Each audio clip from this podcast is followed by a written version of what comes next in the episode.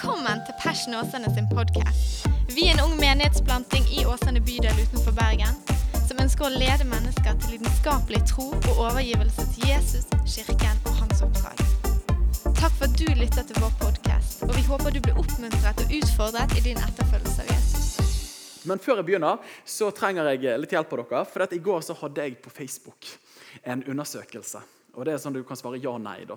Og så har jeg eh, fått for meg at de trange buksene og Chelsea-bootsen liksom, det er fortsatt hovedantrekket mitt, men det er gøy å ha flere tangenter å spille på.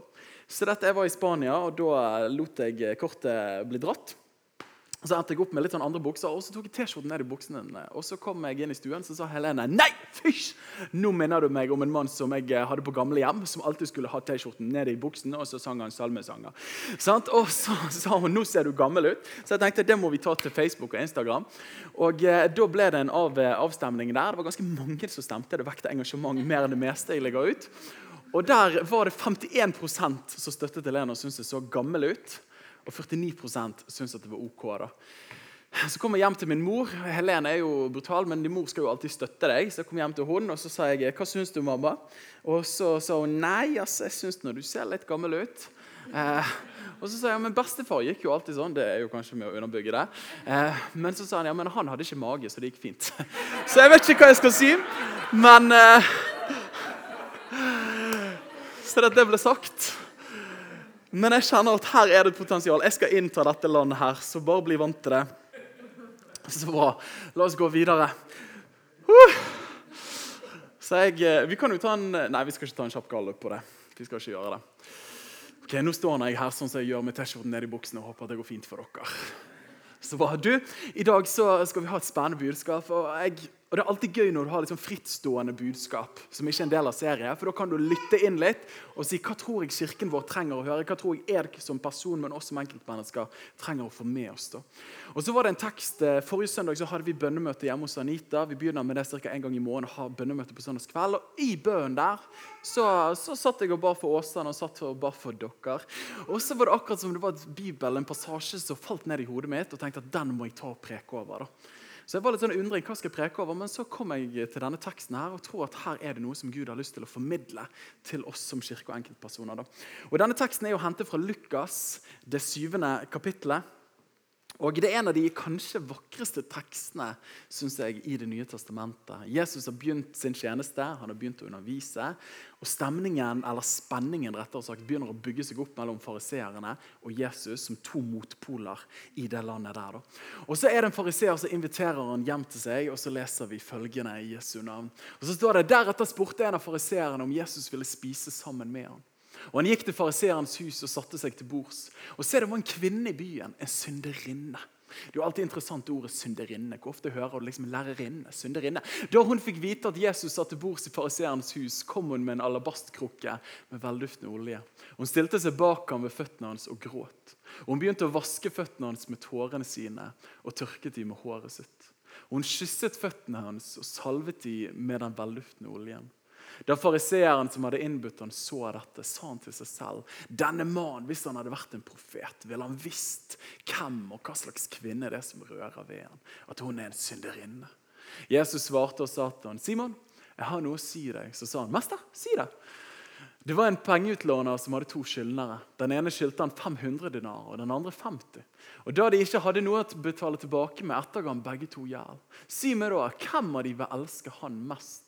Simon svarte og sa, 'Jeg vil tro at det må være han som han ettergår mest.' Og han sa til han Jesus, 'Du, du har dømt rett.' Så snudde han seg til kveen og sa til Simon, 'Ser du denne kveen?' Jeg kom inn i huset ditt, du ga meg ikke vann til føttene mine, men hun har vasket føttene mine med tårene sine og tørket dem med håret sitt. Du ga meg ikke noe kyss, men denne kvinnen har ikke holdt opp med å kysse føttene mine siden jeg kom inn. Du salvet ikke hodet mitt med olje, men denne kvinnen har salvet føttene mine med velduftende olje.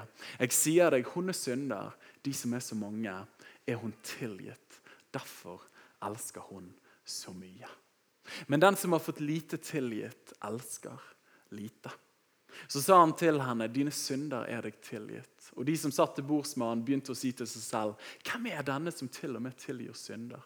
Så sa han til kvinnen, 'Din tro har frelst deg. Gå bort i fred.' En veldig fin bibelpassasje som vi kunne brukt lang tid over. og sikkert flere av dere har hørt den tidligere. Jeg har valgt å kalle de ordene jeg skal dele med dere i dag, for levende lidenskap. Kan du si 'levende lidenskap'? Ja, bra! Skal vi ta og be sammen? Jesus, vi takker deg for disse minuttene som vi har rundt ditt ord og over ditt ord, far. Jeg takker deg for alltid muligheten til å kunne løfte fram ditt ord og sitte under forkynnelse av ditt ord. Og Jeg ber om at vi aldri skal ta det for gitt eller ta det som en rutine eller bare en rytme. Men jeg ber om at vi alltid skal lytte inn med våre hjerter og tillate at du taler friskt og levende til oss i ditt mektige navn. Og alle sammen sa amen. Amen.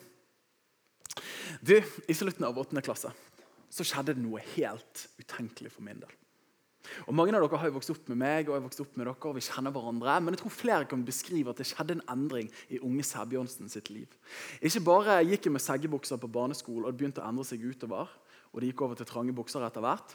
Men en større ut, eh, en forandring som fant sted, var at i slutten av 8. klasse så var det som om det var en uant bombe inni meg som eksploderte. Og Denne bomben her var en bombe av lidenskap. Ikke for hva som helst, men for Jesus. Og hadde vokst opp i en god kristen familie. Og Jeg hadde liksom aldri hatt piffen for Gud, Jesus og tro. Det var liksom eh, søndagssamba. Vi gjorde det vi alltid gjorde på søndagene. Og så var det ut og kjøpe slush på Bergen Bowling borte på Liaflaten. der vi hadde eh, gudstjenester.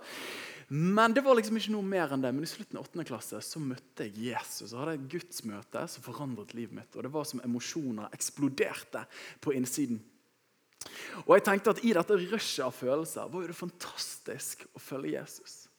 Men så må jeg være ærlig med dere, og jeg tror ikke at det er noe veldig newsflash, men i tiden etter det så kom det sesonger, det kom tider, der lidenskapen ikke var like håndpåtagelig. Og der lidenskapen ikke var like levende. Og så stilte man seg spørsmålet hva er, det, hva er det som er feil. på en måte? Hva er det som ikke stemmer her? Hvorfor var det så bra da, men nå virker det så tamt her? Og I den tiden vi lever i nå, så er det ikke til å komme unna at dere har sett disse små symbolene tidligere. ikke sant? Dette heter jo emojis. Og det har jo forandret communication forever and a day. For Hvis du sender melding til noen og du ikke tar med en emoji, så tenker de at du er sint på dem. Ikke sant? De gangene jeg får melding av noen, og det er liksom bare punktum. Sånn, Herlighet, hva er det jeg har gjort? Sånn, og Hvis de ikke har punktum engang, da vet jeg at de er så sure at de ikke gadd å skrive punktum. Og hvis de ikke begynner setningen med stor bokstav engang, da vet jeg at de har strøket i norsk. Sånn, er du med? Altså, Emosjoner de er big greie, og emojis har blitt en svær ting. da. Og Emojis og følelser i møte med gudsrelasjonen er jo fint, men under følelser så er det noe enda dypere, som er overbevisning og overgivelse. Følelser er jo litt oppskrytt i den tiden vi lever i, og det skal ikke vi snakke veldig mye om, for det kunne vi snakket masse om. Men det er en overbevisning og overgivelse i bunn som skaper følelser ofte. da. Men hva gjør vi når følelsene og overbevisningen og overgivelsen i Guds relasjon ikke er der? Jeg har stilt meg det spørsmålet mange ganger og opplever at mange stiller seg det spørsmålet. Og så tenkte jeg gjennom når jeg forberedte, Hva er liksom noen av de spørsmålene som vi tenker over? Det er ikke så vanskelig, det med Gud. Jeg føler liksom ingenting. Har dere hørt den før? Jeg har hørt den. Har du vært ungdomsleder? Har du hørt mye? Bibelen samler støv hos meg, og så er liksom Hva er greia med Gamle testamentet, egentlig? Bønn er stress. Jeg mister fokuset etter 12,5 sekunder. Og flere av oss kunne skrevet under på av og til. Hvorfor funker ikke kristentroen for meg? Og om jeg bare var som de andre Dette er bare ikke helt for meg, virker det som. Spørsmål som mange av oss kan stille. Og så under deg så ligger det et oppriktig spørsmål. Som er hvordan kan jeg ha et gudsforhold som er levende og lidenskapelig i det lange løpet?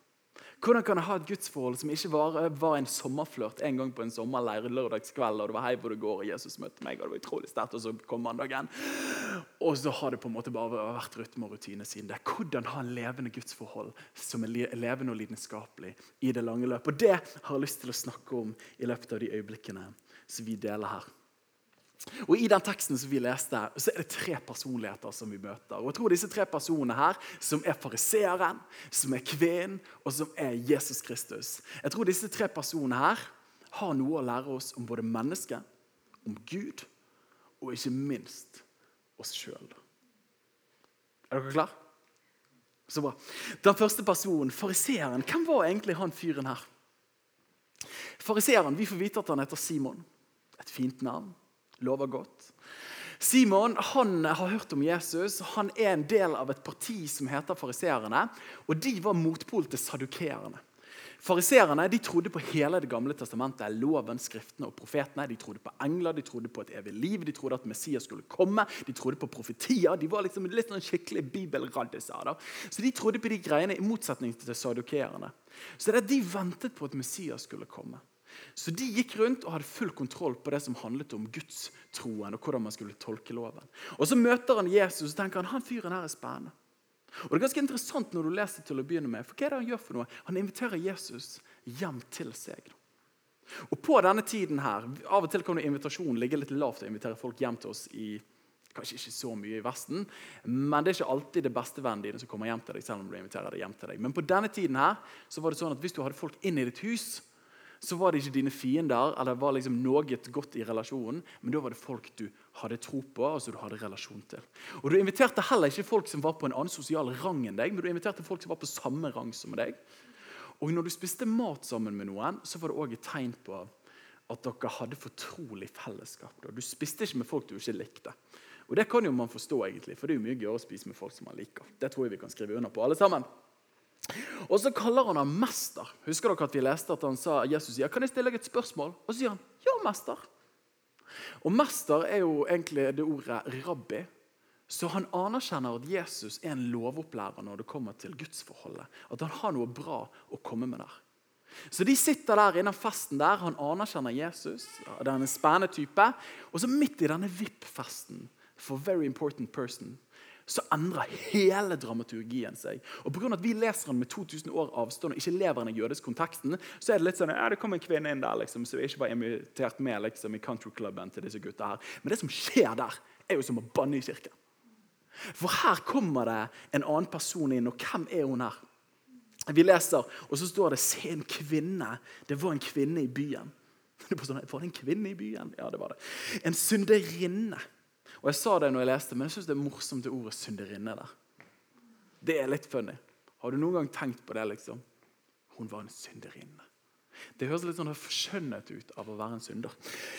Det kom en synderinne. Hun hadde fått vite at Jesus satt til bords i fariseerens hus. Hun kom med en alabastkrukke, og det er jo en parfyme. Og med velduftende olje. Hun stilte seg bak han ved føttene hans og gråt. Tenk her, her er guttene de snakker teologi, og jeg kan jo assosieres litt til det når jeg er sammen med mine nerdebrødre. Og vi snakker liksom transsubstansiasjonslæren som katolikkene tror på i forhold til lutheranerne så har konsubstansiasjonslæren. Hva tenker dere om det? egentlig? Sant? Det er en litt sånn seriøs tone. Man snakker, prøver å bruke alle fremmedordene for å virke litt kulere enn de andre.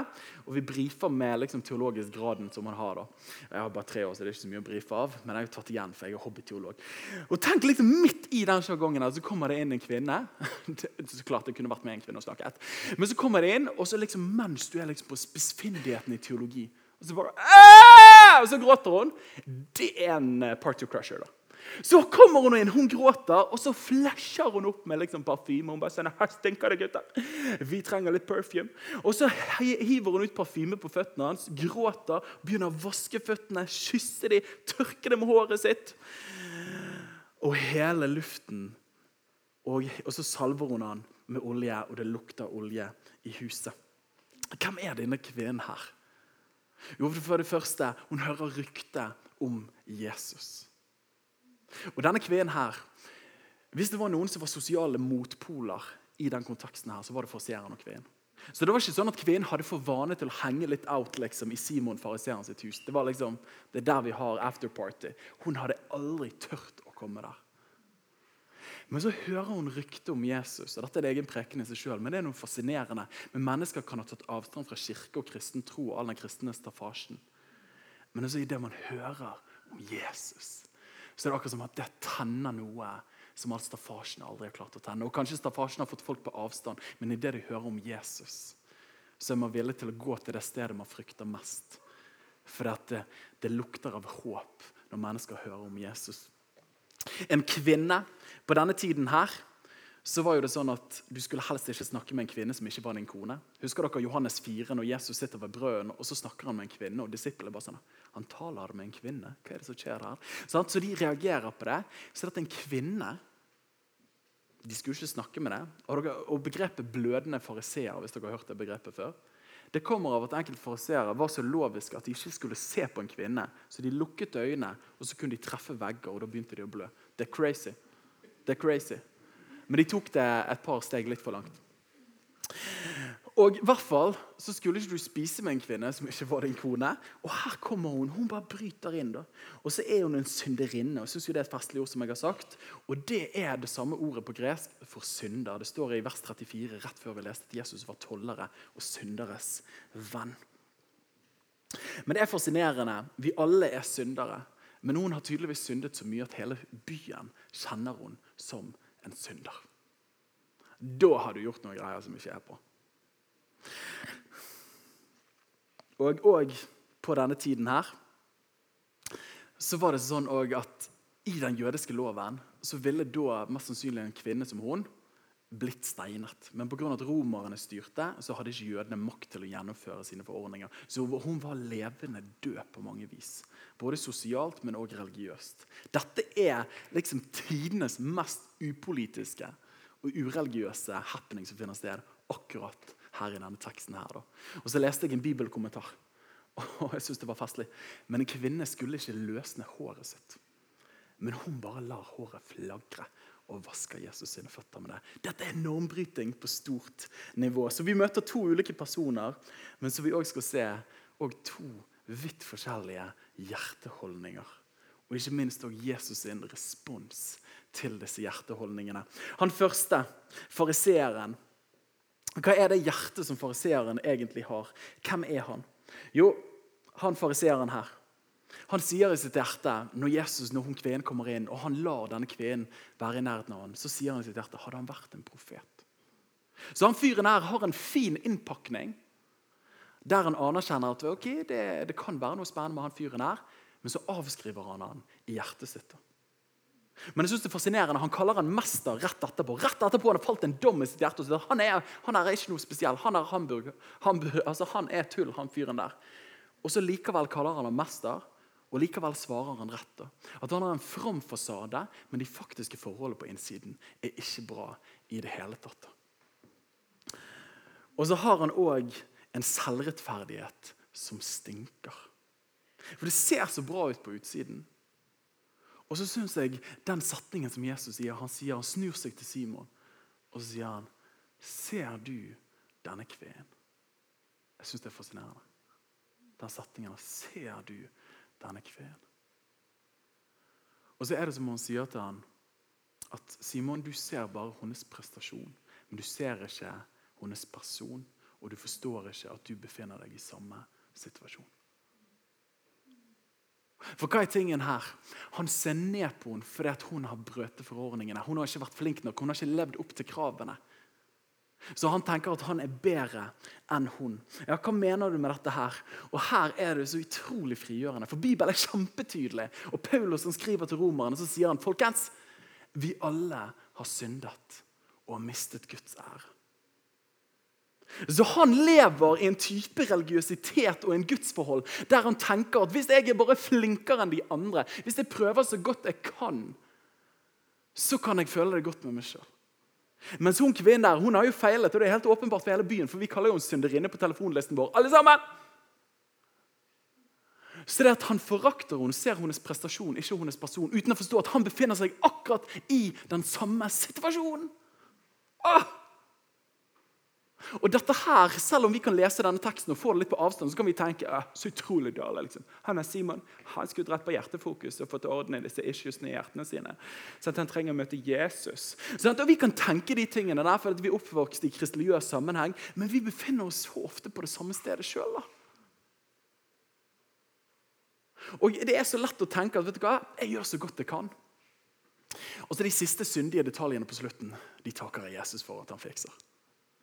At man lever selvrettferdig med det man kan, Og så det lille resten, som egentlig ikke er veldig stor, for jeg er jo stort sett snill og har mange stjerner i søndagsskolekortet mitt og betaler skatten min, og så gir jeg av og til 7 til kirken. Nesten 10, så det bør jo være bra nok. Og så er man liksom der. Og så tenker man at det er ok, da. Eller òg som en tilbøyelighet som er utrolig lett for i den tiden vi lever i. Jeg synes også at vi kan lett skille mellom ja, men Han er liksom en, han er liksom en god synder. Vi alle er syndere, men han er liksom han er en good one. Mens det er en, en dårlig synder. Er dere med meg? Men Bibelen er usminket, og Jakobs brev sier det så usminket i det andre kapittelet og det tiende verset. Han sier at eh, for den som holder hele loven, men snubler på ett punkt Og du her kristen tro er litt sånn unfair. Nei, men Jeg prøvde jo så godt jeg kunne. Nei, men Snubler du på ett punkt, er du blitt skyldig i hele loven. Så han sier at hvis du river listen én gang, så har du revet den for alltid. Da gikk du fra 100% til 0 du gikk fra hvitt du gikk til svart. Så det er ikke noen gradering av synder. Det er ikke gradering av gode og dårlige mennesker. Bibelen er kjempeusminket og sier at vi alle er syndere forutenom når vi er i Kristus. Så han fariseeren avdekker da et hjerte som en stolt synder. Hva mener du med det, Daniel? Jo, helt enkelt. Det som er så forferdelig med stolthet, mine venner, er at stolthet er en sykdom som skader synet. Hva mener jeg med det?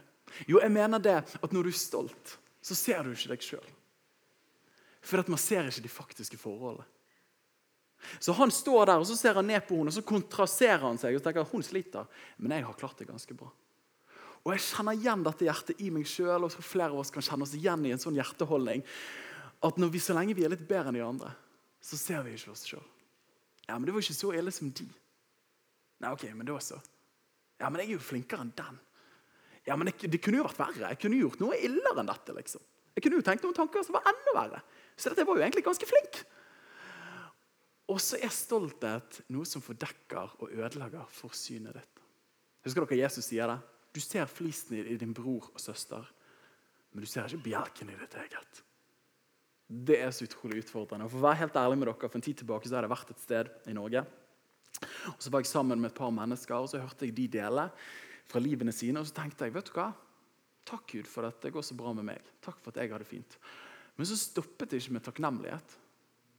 Men det, stok, men det fortsatte med en litt sånn her Ja, men jeg er litt bedre enn de. Ja, ok, men jeg får jo dette til bedre enn de. Og så videre. Så det, etter jeg hadde vært med dem, så tenkte jeg fred og ingen fare. Men så hadde jeg en sånn fornemmelse at Den hellige kom og plukket meg. og bare sånn, Daniel, det hjerteholdningen der, den stinker. altså.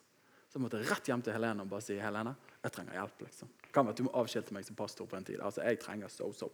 Så dette hun ba for meg, og så sa hun Daniel, du er ikke så bra som du tror. Så jeg kom ned på jorden, så det var fint. Men denne kvinnen, da, hva er hennes stilling? Hva er hjerteholdningen som hun har? Hun framstår som en svak synder. Ja, men Hva mener du med det? Jo, helt enkelt, Hun erkjenner sin synd. Og jeg synes Det er så deilig. Hun bare kommer der og bare sier ingenting er skjult. Har ingenting å dekke til. Og Det er problemet når du er stolt òg. Hvis du har en svakhet, så er du nødt til å dekke det til. Eller du må, ta, du må, dekke det til på et eller annet vis. Du må late som det ikke er tilfellet. Men når du er en svak synder, når folk kommer og anklager deg, når det kommer en anklage mot deg, så kan du si det stemmer. Førstemann til å se det. Jeg har levd med det lenge. Jeg vet at det er der. Liksom, jeg vet at det er sånn. Erkjenne sin synd. da. Videre så går hun, står det at hun kom bakfra, ned ved føttene hans og gråt. Jeg elsker det, jeg vet ikke om du har sett den detaljen før, men Hun kommer bakfra ved føttene hans, så står det et par vers senere. Og Jesus snudde seg til kveen. Og Er ikke det ofte også vår tilnærming til Jesus? At når vi har gjort noe, når vi opplever at vi ikke strekker til, at vi ikke er gode nok, så sniker vi oss litt inn på Jesus. Og sånn, 'Herre, tilgi meg.' 'OK, Gud, tenk disse tankene her, men Fint vær i dag, men tilgi meg. Og så sniker vi oss litt innpå fordi vi er litt redd for responsen, enten av Gud eller andre kristne. Men så står det så vakkert at Jesus snudde seg til henne. Gud snur seg til oss i vår synd. Han dømmer oss ikke, men han omfavner oss. da. Husker For et par år siden så opplevde jeg å være i bønn, og så fikk jeg et bilde av at eh, når en liten gutt, eller om jeg var liten og du var liten, og når vi skadet oss, så var det ikke sånn at vi løpte bort fra foreldrene våre.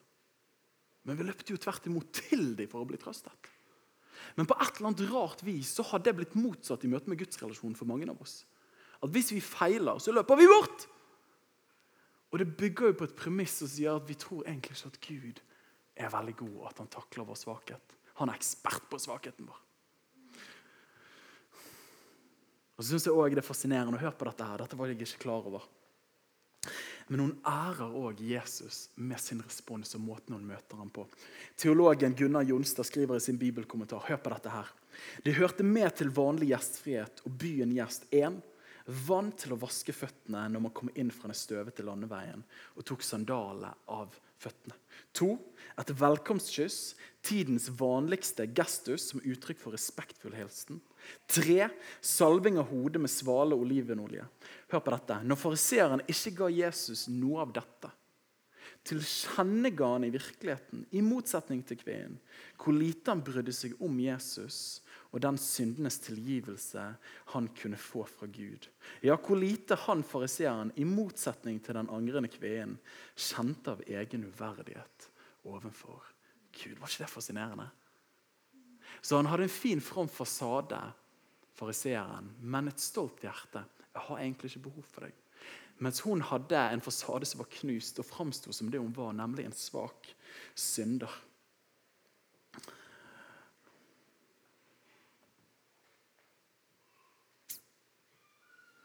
Og Det som skjer her, er jo at begge er i huset med Gud sjøl. Men det er en som drar derifra med et gudsmøte og med sine synder tilgitt.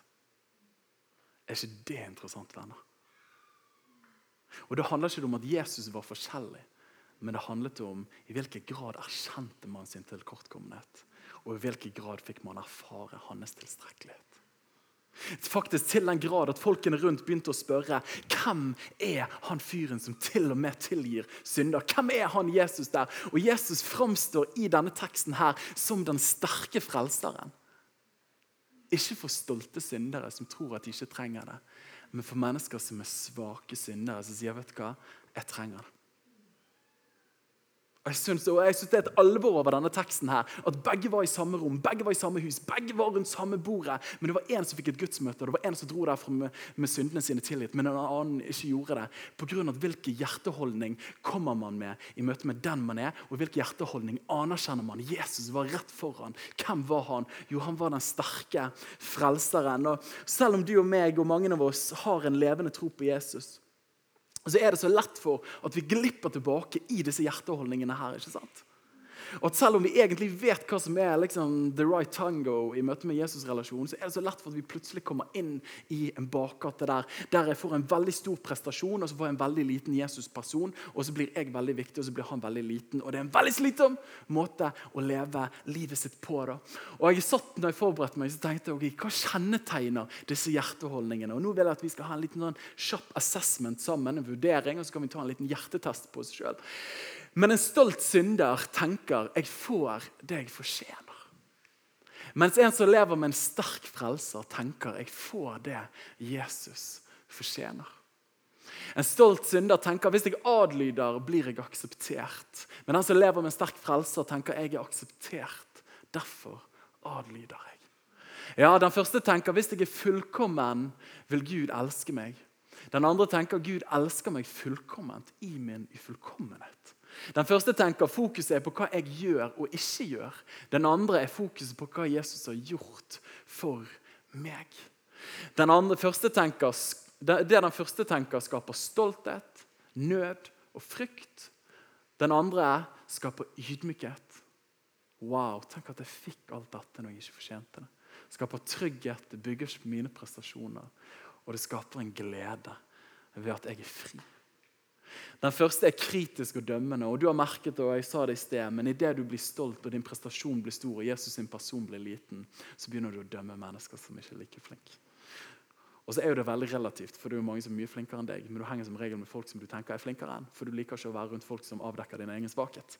Så blir du kritisk og dømmende. Og her, vet du hva, dette er ikke en del av preken, men her har jeg lyst til å gi et formanende ord til meg og til oss som kristne. At det er så lett for at kristne ender opp med å sitte på bakerste benk og trille terninger og være kritisk. Det sømmer seg ikke for mennesker som følger Jesus. Vi skal være mennesker som er kjærlighetsfulle og overbærende i møte med mennesker som ikke strekker til, og i møte med folk som tenker annerledes enn oss òg. Den første er motivert av frykt, mens den andre er motivert av kjærlighet. Er ikke det vakkert, venner? Den første har sin prestasjon i sentrum, mens den andre har Jesus sin person i sentrum.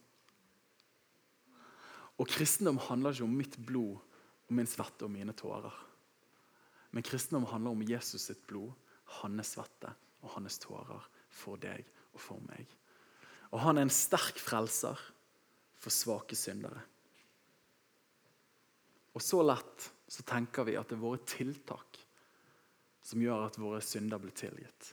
Men det handler om troen på Han. Så spørsmålet som jeg stilte til å begynne med, levende lidenskap. Hvordan kan jeg ha et gudsforhold som er levende og lidenskapelig i det lange løp? Jesus summerer det utrolig vakkert opp.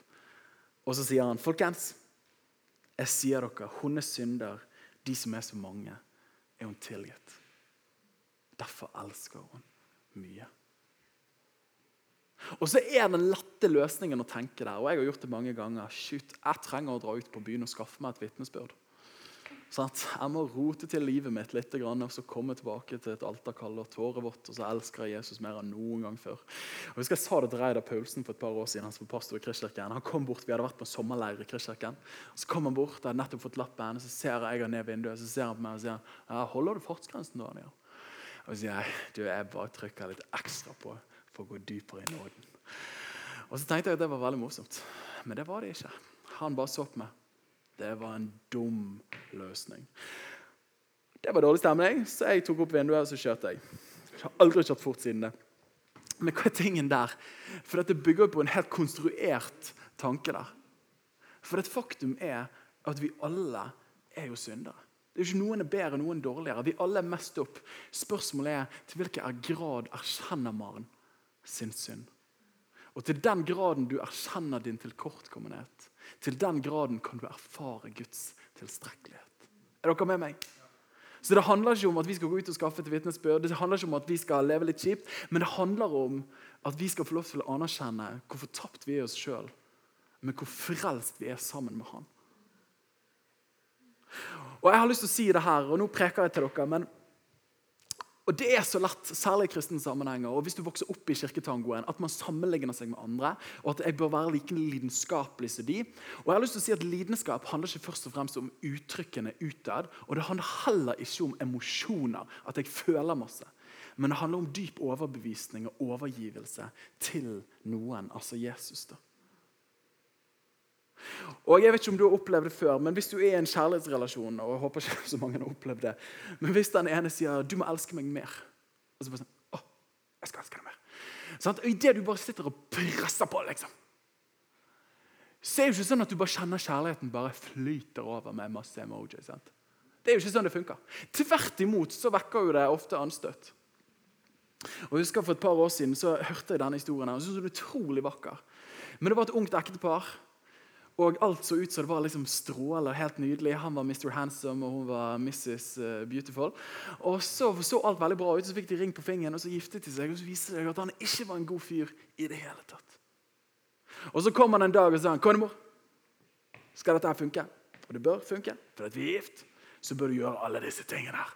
Og så lagde han den listen med greier. Og Så tenkte jeg, oi, oi, oi, herre hjelp meg. Og så levde de et ekteskap, og årene gikk, og det var ikke et veldig lykkelig ekteskap. Og Så gikk han bort uventet, og så etter en tid så møter hun en ny mann. Og Han fyren her ser ut som Mr. Handsome, og han viser seg faktisk å være det òg. De gifter seg, og de har det fantastisk sammen. Og En dag mens hun holder på å styre huset, så finner hun til sin overraskelse den listen som den første ektemannen lagde.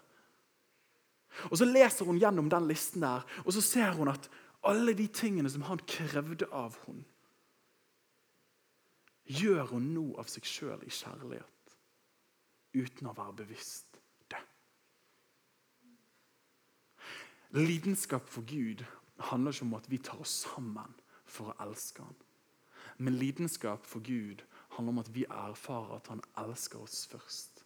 Og da blir vårt ekko og vårt gjensvar at vi elsker han tilbake. Før du må søke han, så skal du få lov til å se han. Og før du føler at du skal tilbe, så skal du få lov til å erfare at du er tilgitt. Og før du føler at du må omvende deg, så skal du få lov til å erfare at han omfavner deg. Er dere med meg? Og før du føler at du skal, har nødt til å være nær han, så skal du få lov til å erfare hans nåde. Hva er tingen her? Jo, all fortrolighet med Gud kommer ut ifra at vi først har opplevd at han forbarmer seg over oss. Så jeg har lyst til å si til deg, Hvis du er her i dag og du kjenner vet du hva, jeg brenner ikke nok, jeg burde lest Bibelen mer, jeg burde vært mer higen på Jesus, så jeg har lyst til å si til deg, ikke legg på deg de imperativene og de kravene. For det kommer ikke til å skape magien. Men jeg har lyst til å gi deg tillatelsen til å bare utsette deg for Jesus. For der begynner vi å se han, så begynner hjertene våre å brenne. Åh, Dette er mysteriet. Og det er jo sånn antiintuitivt. Men det er motsatt hva man tenker er logikk. Men idet jeg erfarer hans godhet, så har jeg lyst til å gjøre hans gjerninger. Sånn er det bare. Og kjærlighetens apostel, helt avslutningsvis, han sier jo det tidløst. Men han sa vi elsker han. Han bare, ok, bra. Men fordi at han elsket oss først. Og det var ikke bare den gang da du kom til tro, men det er hver gang når vi lever. La han elske oss, så vil vi begynne å elske han. Og bare på den måten kan vi ha en levende lidenskap i vårt gudsforhold som varer hele livet. Skal vi ta og be sammen, venner? Jesus, vi anerkjenner at du er fantastisk. Og Herre, du ser at det er så lett for oss å ha et litt sånn fariseer, stolt hjerte, der vi ikke erkjenner vår egen svakhet. Og da vil heller ikke kjærligheten for deg vokse fram. Men jeg ber om at du gir oss et sånt ydmykt hjerte. En sånn svak synder som, som erkjenner tingenes tilstand. Sånn at vi kan få en sterk frelser i livene våre. Jeg har lyst til å be for det som oss kirke, Herre. At vi skal være en kirke som er kjennetegnet av levende lidenskap for deg. Men ikke en lidenskap som er hypet, ikke en lidenskap som er påtvunget, men en lidenskap som flyter ut ifra at vi ser deg, at vi erfarer deg, og på den måten kommer kjærlighet ut i livene våre. her. I Jesu navn. Amen. Amen. Takk for at du lyttet til Passion Åsane sin podkast. Hvis budskapet inspirerte deg, del det gjerne videre, slik at enda flere kan bli styrket av Guds ord. Gud har en plan for ditt liv. Følg Jesus lidenskapelig og bety en forskjell for mennesker i din verden.